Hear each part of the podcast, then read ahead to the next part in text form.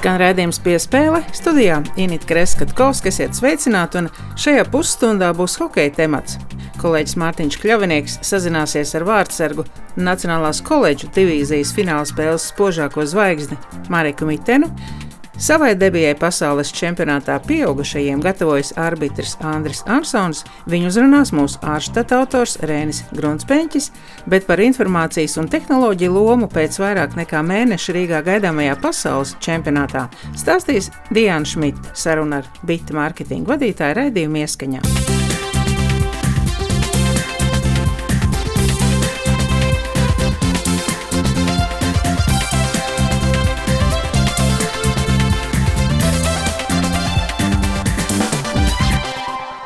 Pasaules čempionāts hokeja būs vienlaikus arī viens no vērienīgākajiem IKT infrastruktūras izbūves projektiem pēdējā laikā.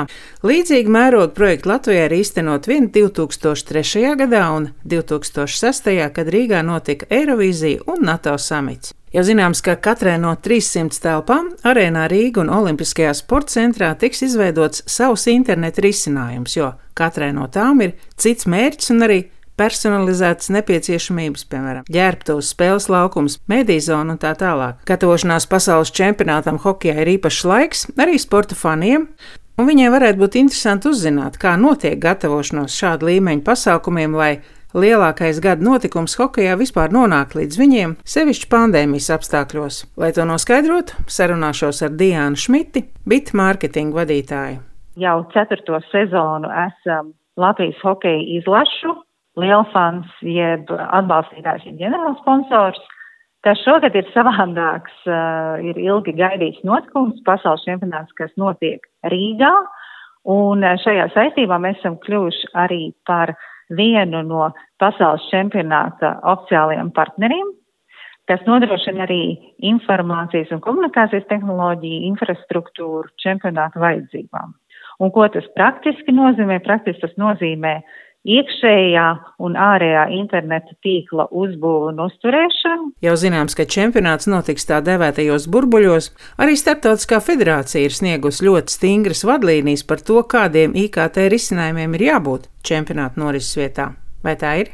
Lai čempionāts varētu norisināties kvalitatīvi, veiksmīgi, ir divas uh, norises vietas Olimpiskais centrs un arēna Rīga, kur principā no nulles uh, ir jāizbūvē ārējais un, un iekšējais interneta tīkls. Tas ir moderns fiksētais un mobilais internets ar dažādiem augstu standartu drošības risinājumiem, lai nebūtu iespējami kiberuzbrukumi vai pārāvumi, un uh, lai katrā telpā nu, tiktu nodrošināts uh, vajadzīgais sakara daudzums un kvalitāte. Šīs prasības ir iesūtījusi Startautiskā ledus hokeja federācija. Darbus sagatavojam saistībā ar viņu uzstādījumiem, noteiktajām prasībām. Tātad tā, tie darbi ir jāveic ļoti augstā kvalitātē, pēc visaugstākajiem standartiem, lai čempionātu varētu baudīt kvalitatīvi un, um, jā, tas viss notiktu veiksmīgi un, un, un arī to Latvijas uh, vārdu iznestu kvalitatīvā gaismā. Kā ir ar termiņiem? Jo viens no pasaules čempionāta lielākajiem izaicinājumiem ir tomēr ļoti īsais termiņš, kādā jānorganizē pasākums. Jā, viennozīmīgi. Un arī lēmums par čempionātu pilnīgu norisi uh, Rīgā tika pieņems tikai februārī. Līdz ar to laiks, kas ir atvēlēts gan pašai uh, hokeja akadēmijai, gan arī mums, kā partnerim ir, ir ļoti ierobežots, un tas arī uzliek nu, tādu papildus spriedzi tik īsā laika periodā profesionāli un kvalitatīvi sagatavoties. Bet mēs esam šim, nu, teiksim tā, izaicinājumam gatavi un strādājam ļoti spraigi, lai uz 21. maiju būtu pilnā gatavībā. Protams, termiņš ir kādas noteikti dienas agrāk, tā ka, nu, ir palicis, nu, pusotrs mēnesis. Bet, protams, ka darbi ir sākti jau agrāk, gan visu plānošanu. Visticamāk, ka bez skatītājiem, bet fani jau cerēs līdz pēdējiem, ka viņi varēs vērot klātienē. Ja ne iekštelpās, tad varbūt pie arēnas, piemēram, uz kāda lielā ekrāna. pielāgojamies uh, situācijas attīstībai no nedēļas uz nedēļu, ir dažādi jauni regulējumi, kas nemitīgi mainās. Nu, protams, mums kā atbalstītājiem ir arī jāpielāgojas šai situācijai, kad uh, spēles uh, visticamāk notiks bez skatītājiem. Tas nozīmē, kā mēs varam apgūt citas uh, skatītāju fanu iesaistas iespējas, informēt viņus, nodrošināt apskatus spēļu, tādas intervijas ar, ar hokeistiem, nu, izmantot visu šo notikumu, kā es teicu, maksimāli, lai, lai fani un skatītāji būtu tādu visaptverošu ieskatu. Šie ir ļoti lieli, liels notikums un lieli svētki arī skatītājiem, faniem. Tāpēc mēs noteikti gribam būt uh, tur, kur ir fani, tur, kur ir atbalstītāji. Bet, uh, protams, tas ir ļoti atkarīgs, kādi būs šie regulējumi uz maija uh, vidu un, un jūnija sākumu. Jūs piedalāties pasaules čempionāta rīkošanas procesa īstenošanā, bet varbūt, ka protat arī spēlēt hokeju, vai jums ir sava amatieru komanda? Jā, mums ir gan sava amatieru komandas Urietas pingvīnu. Kāpēc Urietas? Jo mūsu birojas atrodas Urietas ielā Rīgā. Un uh, katru gadu pirms eh, pandēmijas mums bija arī tāda iespēja, ka mūsu amatieru komanda uh, sacentās ar Latvijas hokeja veterāniem. Jāsaka gan, ka uh, iepriekšējās spēlēs viņi pazaudēja hokeja veterāniem, bet arī tas ir moments, kad uh, fani no uzņēmuma un, un fani no mūsu amatieru hokejas ģimenēm varēja iet un, un atbalstīt spēlētājus. Un runājot par tradīcijām, nu, mēs esam četru gadu garumā bijuši atbalstītājs. Protams, ka mums jau parādās dažādas gan fanu konkursi, gan iesaistes, gan arī konkursi starp uzņēmumu darbiniekiem, kur var arī izrādīt uh, savu atbalstu hokejam. Tā ka tradīcijas, protams, uh, veidojas, jo, jo, jo tā sadarbība jau ir vairāk gadu garumā. Uh, zinu, ka katru gadu Hokeja federācija izvirza kādu mērķi, Es teiktu, lai šis mērķis viennozīmīgi piepildās un uh, lai hokejisti arī izbauda šos svētkus, kas viņiem pagājušā gada gāja secen, un izbauda to pie mums uh, Rīgā ar fanu, ja pat tie nebūs klātienes fani, tad neklātienes fanu lielu atbalstu. Paldies par sarunu, saku Bita mārketinga vadītājai Dianai Šmitē, lai veiksmīgi organizētu un arī aizvadītu pasaules čempionātu hokejā. Paldies jums! Tas ir ļoti pašsaprotami, ka Latvijas sauc, tad tur nav variantu. Tu vienmēr saki, ka jā. Es cenšos katru spēli palikt labāks, katru spēli augt. Tad, kad jau ir uh, sezonas beigas un, un starpsezona, tad tu vari palikt vēl labāks spēlētājs. Skan redzējums piespēle, un redzējuma turpinājumā kolēģis Mārtiņš Kļavinieks sazināsies ar hokeja vārdsargu Nacionālās koledžas divīzijas fināla spēles spožāko zvaigzni Mareku Mitenu. Mani sauc Mārtiņš Kļavnieks, un raidījuma turpinājumā parunāsim par ledus hokeju. Skaidrs, ka līdz ar uh, maija otro pusi šogad un arī jūnijas sākumu hokejs būs ļoti aktuāls. Īpaši Latvijā arī geogrāfiski, jo pasaules čempionāts šeit norisināsies, bet daudz dažādu hokeja notikumu arī sezonas laikā. Ja atcerieties, pirms pāris nedēļām Edvards Traumaks bija mūsu raidījuma viesis, tad viņš bija tikko nesen parakstījis līgumu ar Amerikas Hokeja līgas komandu. Nu jau gūs arī pirmos vārtus savā pirmajā mačā, tā kā brīnišķīgi debija bija. Un vēl viens uh, koledžas uh, students, uh, vārdsargs, gan šoreiz būs mans sarunbiedrs, tas ir Mareks Egils Mitens. Sveiks, Marek! Sveiki, paldies, ka uzaicinājāt mani šo šovu. Iepriecināja mūs šonadēļ parakstot līgumu ar Amerikas Hokeja līgas komandu Binhamtons Devils, Ņūdžersijas Devils Farm klubs Nacionālās Hokeja līgas komandas sistēmas vienība varbūt uh, atklāja drusciņā kārtas, kā tas viss notika. To parakstu tu tiešām liki uz uh, līguma šonadēļ. Tas jau iepriekš bija noticis. Kāda ir tā šo notikumu secība? Pastāst vairāk. Paraksts lika vakar uz papīra.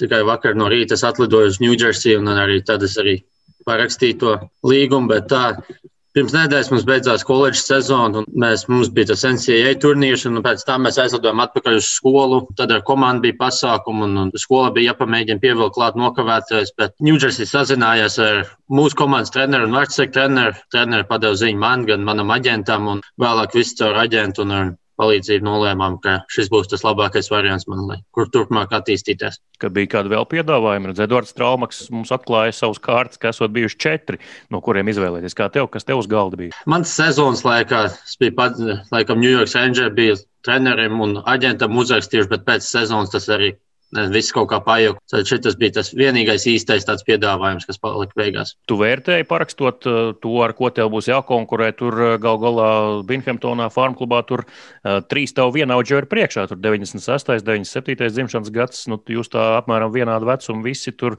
šveicietis, viens kanādietis un laikam amerikānis. Ja? Tomēr, kad tu ej nākamo, spēlē nākamo soli karjerā, nik sevišķi AHL, visās komandās būs labi spēlētāji un labi vārdsēki, un tagad būs jākonkurē tāpat tās vienalga, kur tu iesi. Bet Šeit liels pluss bija tas, ka šogad eh, AHL komanda spēlē no New Jersey Devils treniņu halls. Nu, viņiem ir NHL hall un treniņu hall vienā ēkā.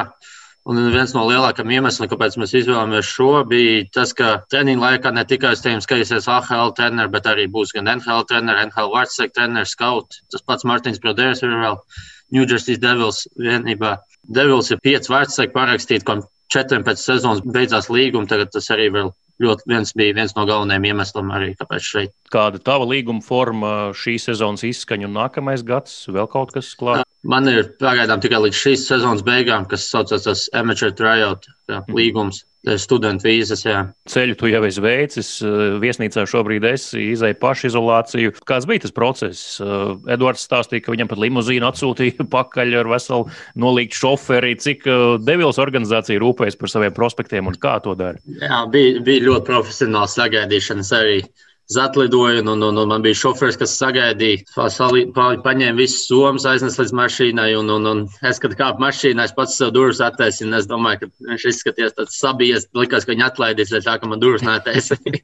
tā, tā jā, ne, bija ļoti profesionāli, gan sagaidīšana, gan arī viesnīca, gan viss, viss jā, ļoti patīk augstākajā līmenī. Sāksim varbūt šķetināt to laika kamolu pa maziem dzīpariem. Tu esi Vēnspilnieks un Vēntas 2002 audzēknis. Tu esi tas laikam vienīgais šobrīd, kurš līdz Amerikai Amerikai to vēta 2002 karoga raiznesis. Ja Uvis Jānis Balīnskis līdz Čehijai pagaidām ir ticis, tad nu, Jānis Švanenbergs pagaidām vēl līdz, līdz Rīgai tikai, tad tu laikam esi tāds, kurš vis tālāk ir ticis tā geogrāfiski un arī laikam līmeņa ziņā šobrīd. Jā, bet vēl ir koledžas hokeja Markus Komuls. Viņš no, gan no tālsiem, bet kaut gan mēs uzaugām kopā spēlēt Ventā. Jā, Uvis Jānis Balīnskis arī kopā uzaugām, viņš vēl Eiropā. Gan jau, ka viņš arī tiks pāršeit kādu dienu. Nu, skaidrs, ka jūs tur viens otru pazīstat, visi esat apmēram viena vecuma vecuma, Jānis drusku jaunāks. Apmaināties domām eh, arī sezonas laikā par to, kā katram iet tā ventas komūna turas kopā. Jā, jā, pilnīgi noteikti. Sevišķi Markus Komulis uzauga kopā, spēlēja kopā un arī vienā skolā gājām. Tagad arī koledžā vienā konferencē spēlējam. Ar to es visbiežāk sanāk sazināties ar Balinska arī ļoti bieži sanāk, un ar Švanebergu varbūt tik bieži nē, bet tāpat tās zina, kas notiek. Šie divi, kuri vēl šai pus okeānam nevelk jūs uz zobu, ka jūs tur ventiņu akcentu esat pazaudējuši, tagad jau angliski jau ieskanās kaut kas. Nē, es domāju, ka man vēl ventiņu akcents ir pietiekams. Tas man vajag, man liekas, nav pazudis, jo vienīgais, ko bieži sanāk runāt, ir vecāki un brālis. Draugi no Ventspils, tagad tas ventiņu akcents vienmēr grozās. Ventspilī Ventā 2002, cik profesionāls darbs bija ar vārdsargiem, jo vārdsargi tomēr ir īpaša grupa, kuriem vajag savu pieeju, savus trenerus. Ventā man kopš pirmās dienas bija pirmais vecāks treneris, kas man bija Ulrichs Čieps, kas man visas pamats ielika. Es tā noteikti es tagad nebūtu, jo pamats ir galvenais. Pēc tam uz augšu nevar celt, ja nav pamata. Ventā vienmēr nodrošināja vecāks treneris. Un, un pirmais bija Ulrichs Čieps, un pēc tam bija Juris Klodāns, kas bieži brauc no Rīgas uz Ventspilsnu un Lulita Andriševska. Nu, laikam, liek jautāt, par kuru komandu tu esi Latvijas čempionāta finālā, vai ne? jā, jā, laikam jau ka Ventī jāpaliek. Jā. Bet nu, arī zemgalē tomēr daudz pazīstam spēlē. Arī Ventspilnieks Umjakovs, arī ļoti labs draugs, uzauga kopā, spēlējām kopā. Koledža kādreiz vēl pirms gadiem 15, tas bija tāds absolūts kaut kas uh, eksotisks, izņemot varbūt Jēkabu Rēliku, to pašu Kārlu Zirni. Neviens tur tā īsti nebija bijis un to darījis un lauzis to ceļu. Pēdējos gados arvien vairāk hokeistu brauc uz koledžām un paskat, ir arī ļoti labi piemēri. Tie, kur šobrīd ir ar AHL līgumiem, arī tevi tā skaitā, nu, liela daļa ir no koledžām nākuši, tās jau absolvējuši. Tieši par latviešiem runājot, un, protams, Teodors Bļūgers visspilgtākais piemērs, kurš ir ticis vis, līdz visaugstākajam līmenim. Kurā brīdī tavā ceļā parādījās tā vīzija par koledžu? Tā bija Kārļa Zirņa ietekme, tu pats gribēji, kā tas bija? Jā, tas bija pirmais gads, kad es juniors Amerikā spēlēju kad es lidoju uz Ameriku, man nebija tāds mērķis, tā, ka tieši spēlēt koledžā. Bet līdz tas sezonas gaitā es sapratu, ka tas laikam ir nākamais solis. Ik sevišķi vispārējie komandas biedri tikai par to runā. Tu saprati, ka tas ir nākamais solis. Un es noteikti atbalstu koledžu hokeju un vispār koledžu. Kā, jo, ja spēlē juniors tikai Kanādās un tā, tad tu esi tikai ap to hokeju, tu esi ģērbtuvē 30 džekiem un pārsvarā tas ir viss, ko tu redz no dzīves, kamēr koledžā tev ir hokejs aizņem tikai daļu no dienas, tāpēc tam ir mācības, skola un, un palīdz augt kā personībai, ne tikai kā hokeistam. Un arī hokejs ir ļoti augstā līmenī. Galvenais iemesls, kāpēc es izvēlējos tieši šo uh, universitāti, bija dēļ tā, ka koledžās bieži ir tā, ka jaunie vecāki ienāk un nevar, nespēlē pirmās divas sezonas, bet šajā koledžā es zināju, ka es varēšu spēlēt jau kopš pirmās dienas, un arī pirmajā sezonā es aizvadīju, man liekas, 19 vai 20 spēles, kas ir diezgan daudz uh, koledžā, sevišķi vecākiem kā jaunajiem akadēmiski, cik tev bija svarīgi, ko skola var piedāvāt? Nevar teikt, ka bija baigs svarīgi. Mhm. Ko tu mācījies un ko tu esi apgūlis šogad gaitā? Es mācos starptautisko biznesu ar novirzienu mārketingā un e-mārketingā. Cik vēl trīs nedēļas palikušas, tagad ir Tagad karantīnā ir laiks pievilkt nokavēto no skolas dēļ playoffiem braukšanas apkārt. Daudz drusku sanāca ielaist tagad piespiedu kārtā vismaz var mājasdarbs izpildīt. Cik liela pilsēta, ko tur var darīt un kāda ir koledžas loma? Vai tā ir tāda nozīmīgākā uh, institūcija šajā pilsētiņā vai, vai kā citādi? Uh, jā, pilsēta ir ļoti maziņa, sevišķi Amerikas mērogos, bet uh, jā, koledža ir noteikti teikt, galvenais, kas tur ir. Un, un, un sevišķi mums šogad, kad mēs uzvarējām savu to konferenci, tas bija pirmo reizi, man liekas, 25 gados. Mums atbrauc atpakaļ, mums bija policijas pavadībā, mūs ieved pilsētā, mums ir tradīcija, mums ir tāds uzvaras zvans, kur mēs pēc uzvaras skrienam un katrs spēlētājs piezvan vienreiz, un, un, un tur mums ļoti patīkams sagaidīt, un tu jūti atbalstu vienmēr no pilsētas, tā kā no tā sabiedrības. Jā, mums baigi sagaidīt lietu tiešām ļoti patīkami un ļoti forši bija. Šīs divīzijas čempionu tituls VCHA Latvijas abreviatūras skan pastāst varbūt hierarhiju, cik tas ir nozīmīgi vispār kopumā un kas tas ir par titulu. Tas ir ļoti nozīmīgi. Mūsu skolai pirms sezonas, mūs, kas ir tie preseason rankings, mūs ielika vispār sastajā, no astoņ, sastajā vietā no astoņām komandām. Un, un, un, bet mēs sev ticējām, mēs zinājām, ka mums ir laba, laba komanda. Un, Tas ir ļoti nozīmīgi. Neviens negaidīja, noteikti, ka mēs uzvarēsim. Un, un, un mēs kā komanda zinām, un kā jau es teicu, pilsētā tas bija ļoti svarīgi. Sevišķi šādā gadā, šādā sezonā, kad viss ir karantīnās, lockdown un tādi. Un pilsētai atnes pozitīvas emocijas, tas bija ļoti nozīmīgi. Pirmo reizi 25 gados tas bija, jā, tas bija kaut kas vienreizējs. Nākamgad tā divīzija, tāda konference vairs nebūs. Mēs, mēs uzvarējām, un tas kauss paliks pie mums. Fizisks kauss arī bija. Varējāt pacelt, ieliet šampaniet, papriecāties. Jā, bija fizisks, ļoti smags kauss. Pat bija, cik mēs tur runājām. Pēc tam tur plecs sāpēja, rokas sāpēja no cilvēkiem. Diezgan bija. profesionālajā hokeja sev pierādīt. Tas tagad pa īstam tas grūtais ceļš cauri gaļas mašīnai sākas, kā lai izdodas, lai tevi nesamaļ, tāpat kā Edvardam Traumakam es to novēlēju, un lai, lai viss izdodas un ir kārtībā. Paldies par šo sarunu un prieks par tevi. Jā, liels paldies jums! Liels paldies! Puika atsūtīja īziņu, upi, tavi sapņi piepildās. Tā forma ir svarīga vairāk mēdījiem, skatītājiem, kā mūsu sportistiem ir uh, cita forma, sportiskā forma ir svarīga. Raidījuma piespēle izskaņā vārds mūsu ārštata autoram Rēnim Grunspeņķim. Noskaidrosim, kā viņa sarunas biedrs, arbitrs Andris Ansons gatavojas debijai pasaules čempionātā hokejā pieaugušajiem. Šogad eh, pirmo reizi savā tiesneša karjerā esmu nozīmēts eh, darbam lielajā pasaules hokeja čempionātā. Eh, kādas pašam vispār ir sajūtas pusotru mēnesi pirms šī lielā notikuma? Hmm, patīkams, satraucošs. Nezinu, kā vēl to, kā vēl to aprakstīt. Teiksim, tā ceļš bija garš, lai tiktu līdz tā elitei, pasaules čempionātam. Nu, patīkam, patīkam. Ko. Gaidu ar nepacietību. Nu, tieši šogad Rīgā pirmo reizi pasaules čempionāta vēsturē būs tā, ka tiesneši ir sadalīti sešās grupās ar sešiem tiesnešiem katrā, proti, trīs galvenie un trīs līnijas tiesneši, kas visas spēles tiesās un trenēsies kopā.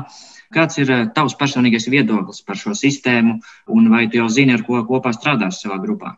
Pirmais nav ne jausmas, ar ko strādāšu. Es domāju, ka to visu mums paziņos, tad, kad mēs, mēs jau nedēļu pirms, astoņas dienas, pirms pasaules čempionāta būsim. Un es domāju, ka tajā laikā viņi arī tur nolems. Es domāju, ka pārbaudas spēles vēl mēs, mēs viņus arī apkalposim.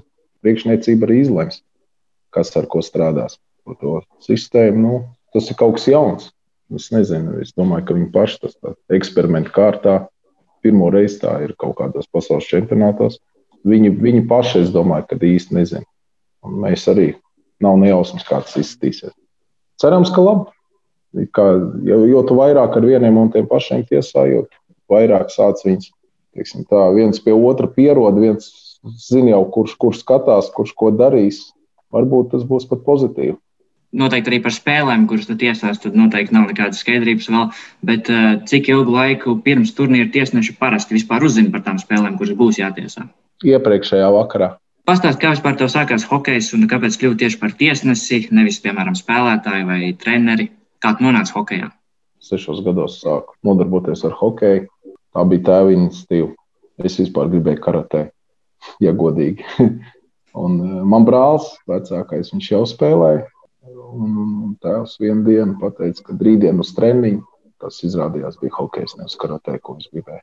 Trenējos, trenējos līdz vienam mirklim. Es ātri pabeidzu spēlēt. Tad atkal, pateicoties tēvam, tiesāšanā nokļuvu. Viņam draugs, tas bija bijušais tiesnesis un, un, un tiesneša sektora vadītājs Gunārs Gails. Kaut kad laikam bija runājuši par to un man piedāvāja. Pēc 2006. gada pasaules čempionāta es pieteicos kursos. Latvijas Hokeja federācija viņus organizēja. Un, un, un 2007. gada janvārī es saņēmu licenci un sāku tiesāt bērnus. Vai var atcerēties kādu viskuriozāko brīdi, kas noticis tavā tiesneša karjerā? Tas var būt gan kāds lielais eh, čempionāts, eh, ko es tiesāju, bet var arī būt kāda jauniešu spēle pat Latvijā visjautrāk ir uz eh, vecākiem paskatīties, kad bērns tiesā. Un it īpaši, jo jaunāki, jo jaunāki tie, tie spēlētāji, tie vecāki ir tādi karstasinīgāki, tie tur visādi, visādi ņemās aiz tā borta un pārdzīvo. Un citreiz, citreiz tas diezgan, diezgan smieklīgi izstāsta no malas. Spēlētāji aug un paliek nobriedušāki, un vecāki ar laiku arī paliek mierīgāki. Un, mazajās grupiņās, gandrīz pār bortu kā pāri, aiz, aizraujās ar, ar, ar atbalstīšanu, fanošanu, bērnu motivēšanu un tiesnešu apspriešanu. Kurš tev pašam eh, ir bijis vismīļākais turnīrs, kurā esi strādājis? Kurš eh, visvairāk ir palicis atmiņā? Pirmais, tas bija pats pirmais, kur es tiesāju. Tas bija Spānijā. Es vēl kā līnijnieks biju Tas ļoti palīdz atmiņā, nu, par cik viņš bija pirmais. Un otrs bija U20. Pirmo reizi, kad es eliti tiesāju, tas bija Somijā.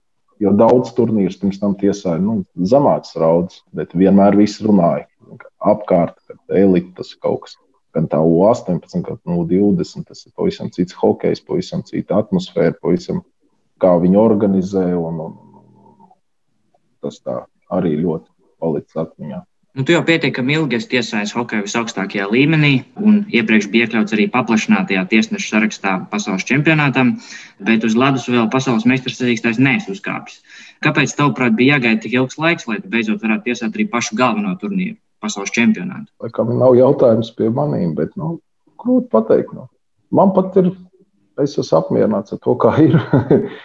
Doma ir tāda, ka ir lielās valsts Amerika, Kanāda, Zviedrija, Hokeja, Somija. Nu, tās tādas lielas valsts, viņiem ir spēcīgi vietējie čempionāti, un viņiem tiesnešiem, man liekas, ir vieglāk tikt uz tādu teiksim, pasaules čempionātu nekā teiksim, mums no Latvijas. Kā tu kopumā vērtē šī brīža situāciju Latvijas hokeja ar tiesnešiem, ņemot vērā, ka pēdējo desmit gadu laikā lielajos pasaules čempionātos tiesājas tikai viens latviešu tiesnesis, Edvards Odiņš? lēnām, bet kustamies uz priekšu, kāpjam pa solītim, pa solītim. Tas līmenis, kopējais līmenis mums aug. Un, un ir jauna perspektīva tiesneši, un ar viņiem tiek strādāts. Mums, mums jau nav tā materiāla tik daudz. Tā Latvija tomēr ir tik maza. No, cik mums tie spēlētāji, attiecīgi, cik mums tie tiesneši var būt. Ja mēs skatāmies, teiksim, uz pašu Zviedriju, Somiju, Krieviju vai Čehiju, tad pirmkārt daudz vairāk spēlētāju grūtāk piesaistīt arī tos tiesnešus. Nav, nav jau tik daudz. Runājot par jauniem tiesnešiem, kā otrs tiesnesis no Latvijas šim pasaules čempionātam ir pieteikts arī līnijas tiesnesis Dāvis Zunde, kurš līdz šim ir salīdzinoši maz strādājis IHF starptautiskajos turnīros. Cik labi tu viņu pazīsti un vai esi ar viņu sazinājies un varbūt sniedzis kādu padomu pirms čempionāta, kā pieredzējušāks? Latvijā viss, man liekas, tiesneši zina. Es atkārtošos, laikam mēs neesam tik daudz, lai nezinātu. Gan laukuma, gan brigādes mēs esam tāda liela, maza ģimene. Bet eh, dāvā, viņš ļoti labi dāvā zina. Mēs kopā strādājam, mēs optimizējam, Latvijas virslīgi tiesājam kopā. Sazvanījāmies un pirms spēlēm runājām. Un, nu, pirmais jau viņš uzzināja, ka viņš uz O18 elitu brauc. Tad jau pirms tam jau viņš prasīja, kā, ko. Un, nu, ko malācis, nu, strādā, trenējās, gatavojās. Gan jau viss būs kārtībā. Nevajadzētu būt problēmām. Šogad Rīgā pirmo reizi kopš 2018. gada pasaules čempionātā būs atgriezies arī priekš Latvijas izlases līdzutējiem beidīgi slavenais čehu eh, tiesnesis Antonīns Jeržābeks. Cik spilgti tev vēl atmiņā ir iespējusies šī 2014. gada spēle starp Latviju un Baltkrieviju? Pirmkārt, es viņu ļoti labi pazīstu. Mēs kopā KHL viņš vēl, viņš vēl bija, kad es sāku tiesāt. To spēli atceros. Kad man daudz tā prasa, nu, es saku, grūti kaut ko tādu teikt par viņu. Tāpēc, pirmkārt, es viņu personīgi pazīstu kā cilvēku, pietiekoši augsta līmeņa tiesnesi. Tanī mirklī viņš izdarīja tā, kā ir pēc noteikumiem. No, nu, attiecīgi, attiecīgi, nu, grūti man kaut ko pateikt sliktu pa viņu. Jā. Strādā un viss. Nu, viņš, viņš darīja savu darbu. Un, protams, līdzekļi jau to savādāk skatās. Tikpat labi es, es, es arī kaut veidā pieņemu lēmumus ne par labu, bet vienkārši sanāk, nu, tāds lēmums ir pieņemts. Nu, viens viena līdzekļi sit plaukstas un lec gaisā, nu, citā kaut nevisai apmierināti. Tāds tas hokejs.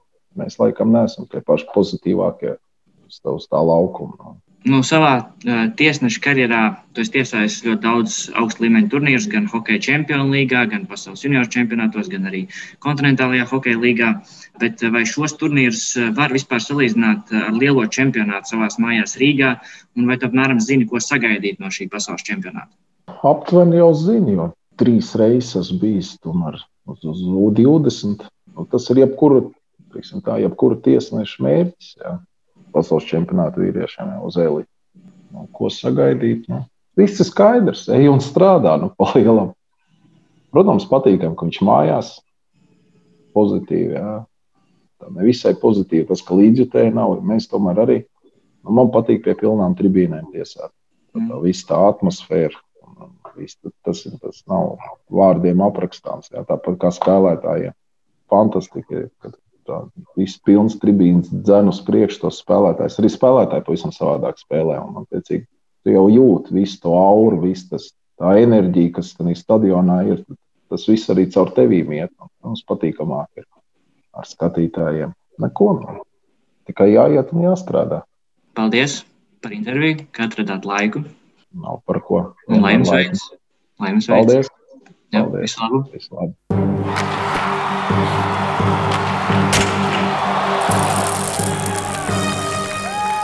Izskan raidījums piespēle Mārtiņš Kļavinieks, Rēnis Grunspēņģis, Nora Mitspapa un Esinita Kreskatkovska sakām paldies, ieklausījāties!